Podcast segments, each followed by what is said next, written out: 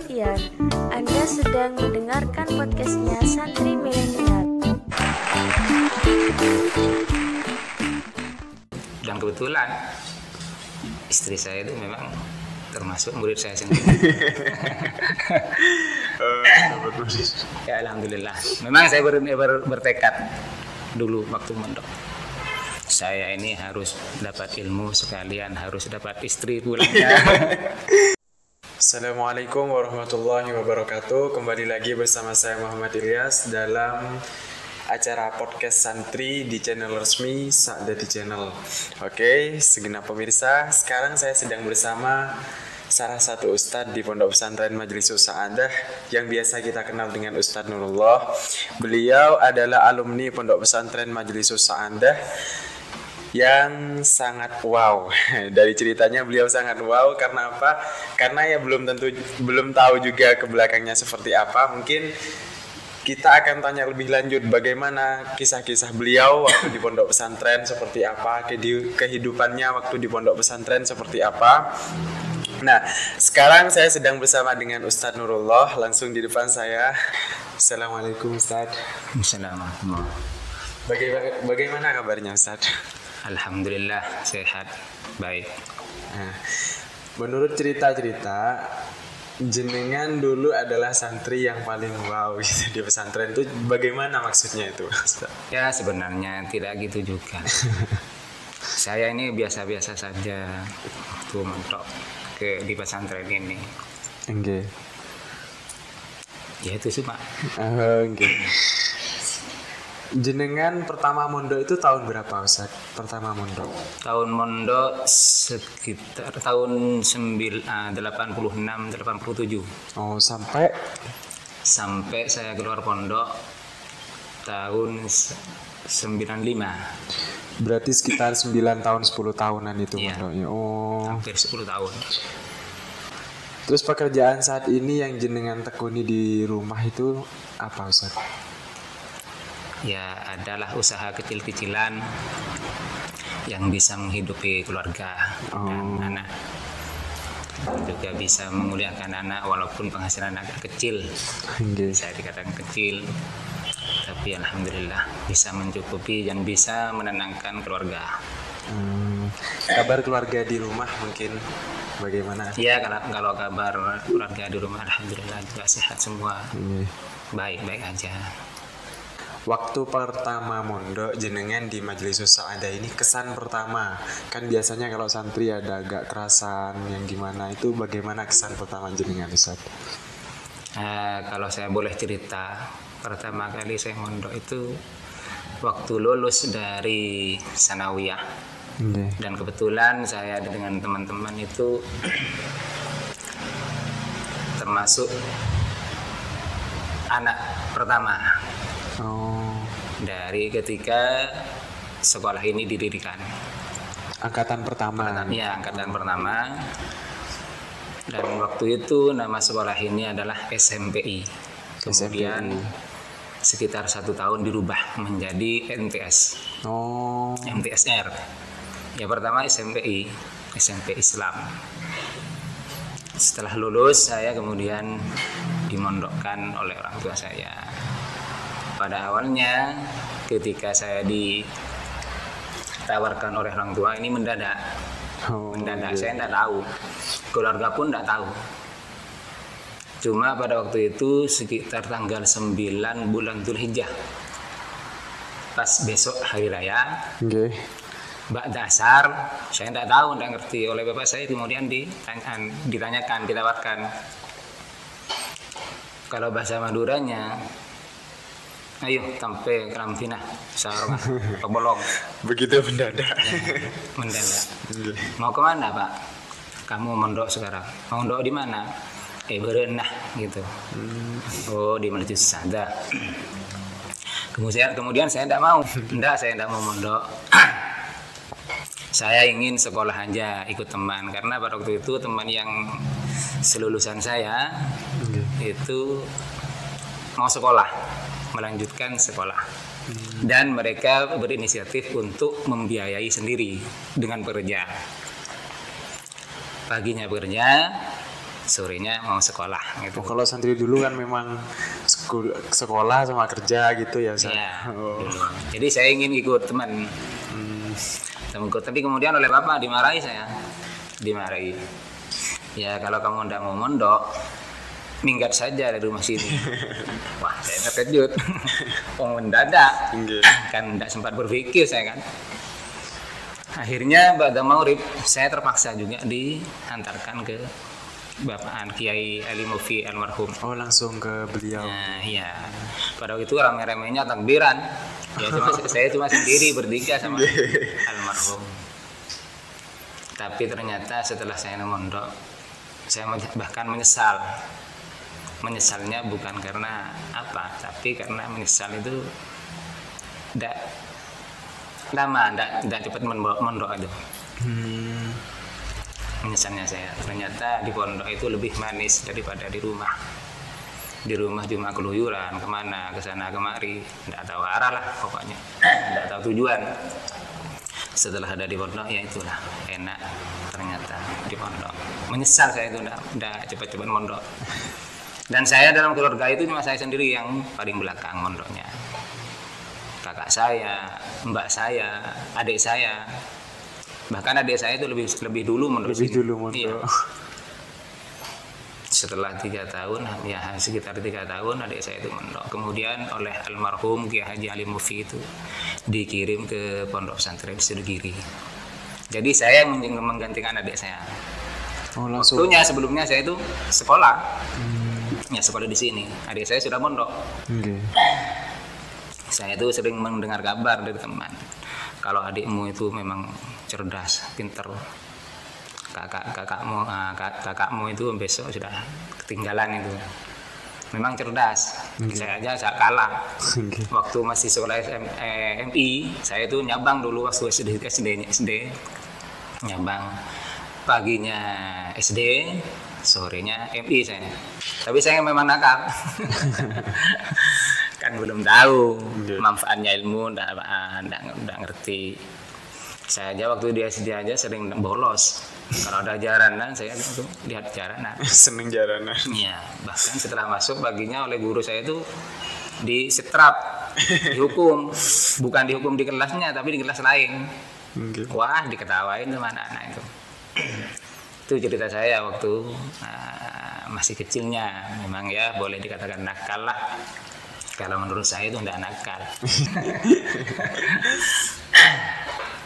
ya itu tapi ya setelah memang saya itu ada di pondok menyesal kenapa saya nggak dari dulu uh, mau mondok gitu kalau dulu-dulu sebelumnya saya itu pernah ditawarkan sebenarnya oleh orang orang tua ditawarkan mondok di Asem Bagus mana itu waktu itu masih ada Kiai Haji Asnat Samsul Arifin Nggih. Di Skorjo. Nah, di Sukorejo, Sukorejo asam bagus. Ya itu mau saya waktu itu. Ya udah.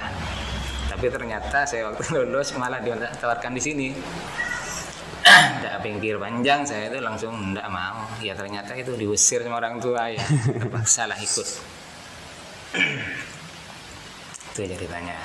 Sebenarnya ya ah, boleh dikatakan panjang ceritanya bisa, pendek bisa. Memang, memang waktu saya itu mondok mendadak mendadak sekali Suka dukanya mondok di sini bersama teman-teman, bersama guru-guru itu kan pasti ada suka maupun duka. Nah, Iya. sukanya itu apa dan dukanya itu seperti apa, Ustaz? Ya. Kalau sukanya saya kira memang saya ini boleh dika- dikatakan banyak sukanya. Iya. Kalau dukanya hampir tidak ada. Nggih. Mungkin dukanya saya itu apa ya? Tidak ingat lah. Lebih banyak sukanya kalau di pondok. Bahkan saya itu di pondok inginnya lama sebenarnya. Inginnya lama. Ya, karena saya itu sudah umur berapa waktu itu? Saya menikah aja umur 27 tahun. Oh, berhenti mondok langsung menikah gitu, Ustaz. Iya, saya dari mondok hampir 10 tahun. Kemudian saya disuruh ngajar tahun 98 ah 93. 93 itu saya sudah tunangan. Oh. Kemudian tahun 95 saya itu menikah. Oke. Jadi tiga tahun saya ngajar di pondok waktu itu dan kebetulan istri saya itu memang termasuk murid saya sendiri. Ya alhamdulillah. Memang saya ber, ber- bertekad dulu waktu mondok. Saya ini harus dapat ilmu sekalian harus dapat istri pulangnya. Memang kebanyakan itu kalau anu, setelah santri dulu itu kalau kebanyakan dari cerita-ceritanya setelah lulus mondok, lulus itu ternyata nikah. Iya memang. Nah, karena dulu kan apa ya sekolahan begitu be- kurang begitu penting seakan-akan bagi anak-anak. Om sekarang itu aja SMA sekarang itu nah, termasuk setara dengan S1 sekarang SMA. Kan dulu lulus SMA bisa ngajar. Oh. Ngajar sanawiyah, ngajar SMP bisa dulu. Kalau sekarang kan ngajar MD aja nggak diterima. Oke. Iya. Harus sarjana. Nah, sarjana. Sarjana pun sekarang S1 hampir setara dengan SMA kan? Oke. Iya. Ya setara lah termasuk. Dulu SMA kan bisa ngajar sanawiyah bisa. Oke. Tapi sekarang S, eh, SMA kan tidak bisa ngajar sanawiyah. Harus S1. Oke. Kan setara termasuk. Kalau suka dukanya bersama teman di pesantren kan biasanya ada berita apa peristiwa yang tidak terlupakan Ustaz. Apa ya? Kalau sukanya ya memang banyak sukanya saya itu. kalau dukanya tidak ada saya kira ya. Saya- Saya itu di pondok selalu happy lah pokoknya. Happy. Dihadapi dengan happy, tidak tidak begitu susah, panik, tidak dan sebagainya. Biasa. Karena saya itu waktu mondok boleh dikatakan pulangnya tiap hari. Karena dekat. Tapi pulangnya saya tidak ganggu terhadap pelajaran, ngaji, tidak. Begitu selesai ngaji, sudah kira-kira tenang, anak-anak yang lain itu anak nasi, saya pulang. Bahkan anak-anak belum selesai nanak, belum makan, saya sudah datang lagi ke pondok. Dan saya mau waktu di pondok itu bawa sepeda, sepeda ontel. Oke. Ya itu. Kalau dulu santri memang nanak-nani sendiri ya Ustaz. Iya, disediakan dapur. Dapurnya itu di kola itu, di Oh. selatannya kola itu bisa di- dijadikan dapur. Walaupun sebenarnya bukan dapur, tapi anak-anak leb- eh, maksudnya lebih enak, gampang ambil air di kola untuk anak-anak. Dan yang lain ada di sini di SMA ini dulu dapurnya disediakan oleh anu, apa santri sendiri yang bangun. Saya lupa itu. Ya, santri sendiri ya itu sukanya ketika di pondok Jenengan setelah keluar dari pesantren, mungkin manfaat yang diperoleh sangat tampak di luaran itu kenapa Ustaz? ya terutama setelah keluar dari pesantren ini saya merasakan kemanfaatannya ilmu yang saya dapat walaupun itu sedikit. Karena waktu waktu di pondok memang saya itu ya, kurang begitu giat. Oke. tapi alhamdulillah saya belajar dari ngaji sampai eh, mempelajari sendiri sering banyak tanya ke teman-teman yang sudah senior memang saya dulu dulu sering banyak tanya. Apa karena waktu ngaji itu saya sering juga ditanyakan oleh bapak kiai. Ya ini kok dibaca gini ini apa sihutnya gitu. Sehingga saya itu bisa terpacu saya itu untuk selalu bertanya. Karena saya kan malu kalau ada yang kecil bisa saya yang tidak bisa. Nah itu yang bisa memacu saya pertanyaan itu. Pokoknya saya pesan juga termasuk kepada santri-santri lain. Banyaklah bertanya dan banyaklah eh, membaca buku atau kitabnya. Karena itu karena ilmu itu bukan di dengan santai-santai di pondok. Dita'allum harus belajar. Ya itu alhamdulillah. Saya pulang ketika pulang ke masyarakat dan saya belum kenal di situasinya di situ alhamdulillah saya bisa mengimbanginya Sekarang terkait dengan pengasuh sendiri Kiai Haji Ali Mufi. Nah jenengan kan nutut Ustaz. Iya. Nah mungkin jenengan tahu sendiri karomah yang dimiliki beliau itu apa. Salah satunya mungkin yang jenengan tahu secara langsung atau secara memang waktu ada jenengan gitu. Tapi jenengan nggak tahu langsung cerita dari temen gitu. apa ya? Ya sebenarnya banyak. Saya itu mau memulainya dari ya suatu ketika saya pernah. Saya itu ini kayaknya udah kurang cocok untuk ditayangkan ini nah, sebenarnya ceritanya ya saya kira ada apa-apa. Waktu itu saya pernah senang ke anaknya orang. Biasa kan itu kan manusiawi. Saya semakin dewasa ya semakin eh, semakin pubernya semakin tinggi kan. Nggih. biasa. Tapi itu kemudian ketemu oleh bapak kiai. Kiai almarhum lagi ilmu ini. Nggih. bahasa Maduranya abi ini benar ngerti. Punten nah mau nabi ini marah. Nah itu di antaranya. Nah, Kiai Tali Mufi itu tahu. Kalau jenengan waktu wafatnya beliau yang pertama muncul dari benak jenengan itu apa Ustadz ketika mendengar beliau wafat itu apa seperti apa rasa sedihnya ditinggal seorang guru yang dicintai? Ya otomatis saya itu langsung terkejut dan merasa kehilangan lah sangat merasa, merasa kehilangan. Katanya saya itu sudah termasuk lama mengaji kepada beliau dan kitab itu sudah banyak yang hatam kepada beliau walaupun kitab-kitab kecil dan banyak lah pokoknya. Saya itu kitab-kitab yang sudah hatam dari beliau. Mungkin sekarang untuk santri terkait dengan santri kan tadi tentang kepesantrenan sekarang Iya. tentang santri mungkin menurut jenengan pendapat jenengan terkait organisasi yang ada di pesantren untuk santri. Menurut jenengan pandangan jenengan organisasi itu seberapa manfaat untuk santri sebenarnya? Kan kadang ada santri yang memang tulen nyantri. Nah untuk era zaman sekarang kan santri harus multi talenta Ustaz.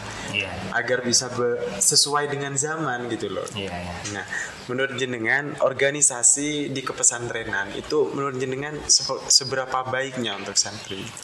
Kalau menurut saya sebenarnya organisasi di pesantrenan sekarang ini adalah jauh lebih baik di waktu zamannya saya dulu.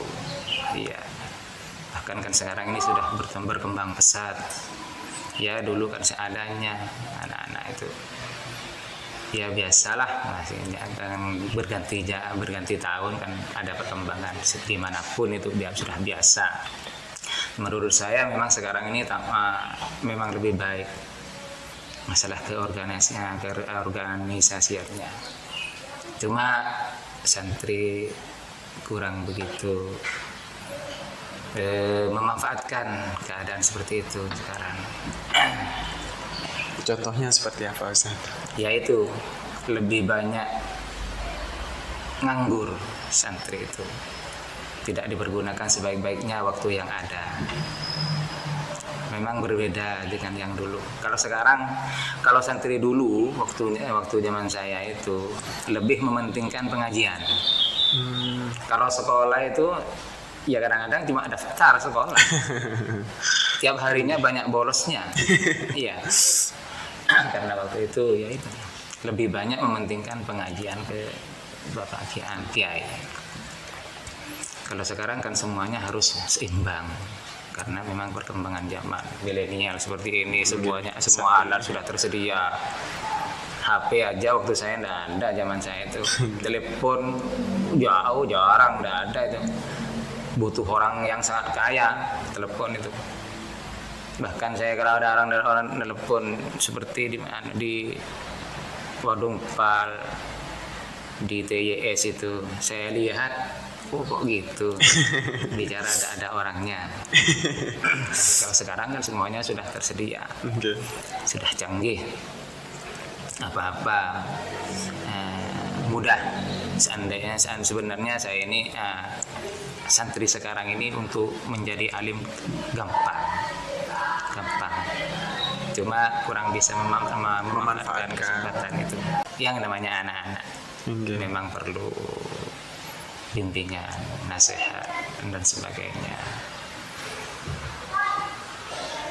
Se- sehingga saya itu menggambarkan pondok pesantren ini sebenarnya bisa dibaratkan rumah sakit jiwa. Iya, Kok walaupun, walaupun anak itu kelihatannya bukan gila, tapi kan jiwanya masih eh, masih labil lah, perlu pendidikan, perlu eh, asuhan, gimana dan sebagainya. Oke. Ya. Nah, saya sering menggambarkan itu seperti itu kepada anak.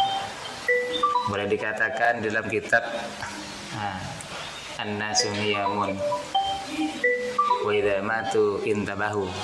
Manusia itu tidur tapi setelah mati dia akan bangun. Setelah bangun cerdas, ingat, sadar. Seperti juga di saya menggambarkan keadaan pesantren. Innal muta'allimin niyamun fil ma'had wa idza kharaju intabahu wa idza kharaju minal ma'had intabahu.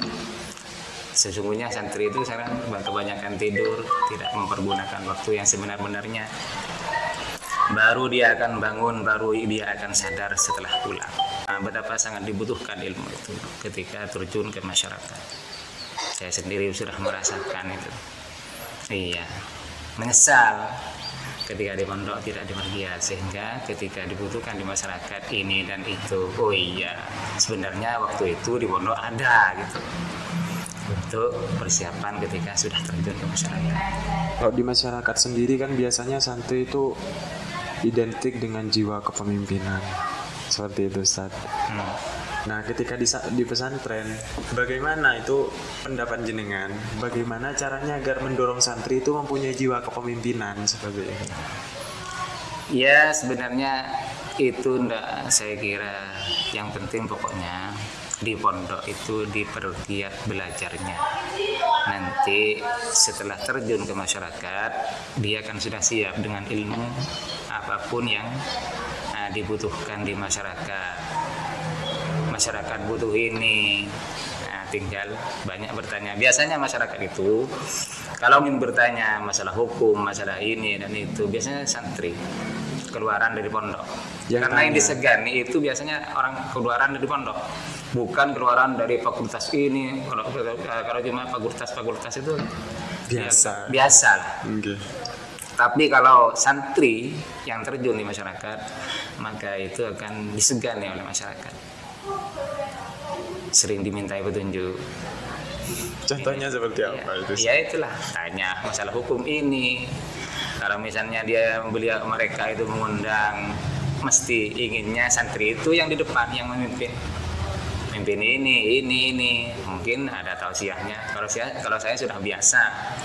Walaupun acara kecil-kecilan, walaupun kalau saya itu dijadikan imam, jadi suruh-suruh mimpin, ya saya itu tausiah walaupun cuma 5 menit, biar ada kesan gimana walaupun satu ayat satu hadis sudah. Tuh karena keterangan di kitab begini begini akhirnya masyarakat itu kan memahami. Kalau cuma Yasin tahlil ya semua saya kira bisa semua. Bisa kan tinggal mengikuti. Tapi cuma untuk tausiah tentunya kan harus punya dasar ilmu dasar. Yaitu Nah, ilmu dasar itu kan diperoleh dari pesantren. Nah itu tentunya ketika santri itu banyak belajar di pesantren, insya Allah ketika terjun ke masyarakat dia siap jadi pemimpin, walaupun itu pemimpin dalam keluarga, masyarakat sekitar dan sebagainya. Saya itu. Kalau sekarang kan hampir menjelang hari santri Ustaz. Nah, Ya. biasanya ada embel-embel itu kalau ketika hampir hampir hari santri itu santri adalah benteng NKRI. Hmm. Nah, Ya, maksudnya itu gimana menurut jenengan pandangan jenengan terhadap seperti itu seperti apa Ustaz? Ya menurut saya gimana ya? Ya memang betul slogan seperti itu memang betul. Karena santri itu, santri itu menguasai segala bidang. Menguasai segala bidang santri itu. Umum bisa agama bisa. Umum siap agama siap. Jadi juga sebenarnya menurut saya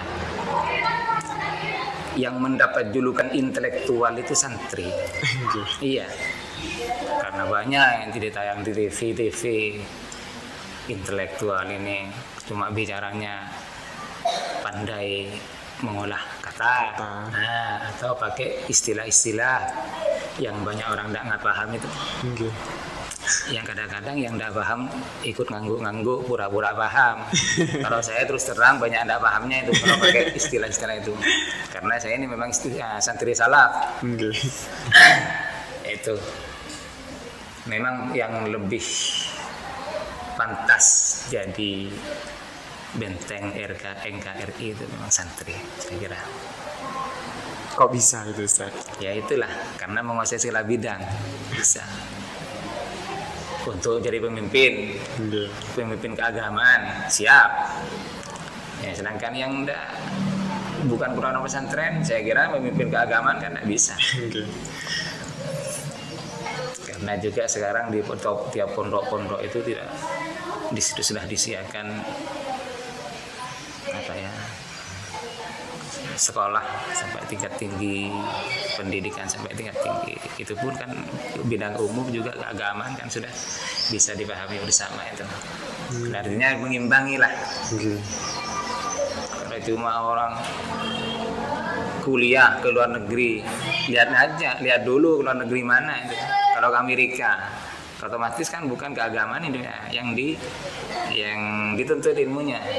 Tapi kalau ke sampai ke Al Azhar wah mudah-mudahan santri sini ada salah satu misalnya ada yang sampai ke Al Azhar. Bisa membanggakan pesantren sini. Ya saya kira mungkin putra dari beliau Ki mudah-mudahan terwujud cita-citanya untuk sampai ke Al Azhar seperti kiai-kiai yang lain yang sudah terkena. Bukan profesor-profesor yang lain sudah. Ya mudah-mudahan sih. Santri mari, mari kita berdoa. Semua santri eh, agar salah satu pengasuh atau penerus dari pengasuh pondok sendiri sini ada yang sampai ke Al Azhar karena di sana diibaratkan sudah dikatakan kiblatul ilmi ya Oke. Al Azhar muslimin Ka'bah gitu. Ya itu saya kira Kalau terkait di kepesantrenan sendiri dengan benteng tadi, santri adalah benteng NKRI. Nah, pada zaman dulu jenengan kan ini termasuk era Soeharto, Ustaz. nah, ya. Nah, era Soeharto kan dari sejarah yang saya baca itu ternyata di Banyuwangi itu dulu banyak ninja. Banyak ninja-ninja seperti itu. ya Ada pemberontakan sekian. Nah, Kiai Haji Ali Mufi dengan santri itu wujudnya apa? Bentuknya itu ketika ada seperti seperti itu itu seperti apa, Ustaz? waktu zaman ninja itu saya sudah keluar dari pondok. Oh, iya. Saya keluarnya kan 95 Oke. ninja itu tahun berapa? Itu seki- sekitar 96 ah, 97an baru setelah itu 98 ah, kapan waktu Pak Harto lengser itu Oke, Pak Harto Lengser. Nah itu sebelumnya memang saya sudah di ada di ah, ikut istri saya itu. Jadi saya tidak anu tidak begitu paham keadaan waktu itu di pesantren. Oke, Karena kan orang banyak takut sudah oke. mau keluar katanya di anu di dicegat. Oke, kan jenengan yang pengalaman sendiri. Waktu Nah. era seperti itu seperti apa ketakutan? Ya memang anu, takut tidak begitu takut karena yang datang itu selalu kabar. Di sana ada yang dikejar-kejar, dikepung ini, apa siap-siap di sini. Ya siap-siap ternyata tidak ada apa-apa. Berarti kan cuma kabar. Sebenarnya tidak ada ada. Setelah dikonfirmasi dicari, apa benar ini? Ada ada. Nah itu. Memang waktu ninja zamannya ninja itu ya ka- ka- kabarnya kiai-kiai yang dicari. Oke. Nah, Pondok pesantren itu mungkin kan karena masalah politik.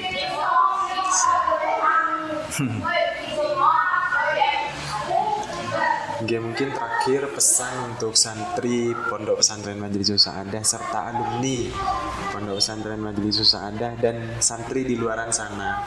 Pesan terakhir jenengan kepada mereka itu apa Ustaz?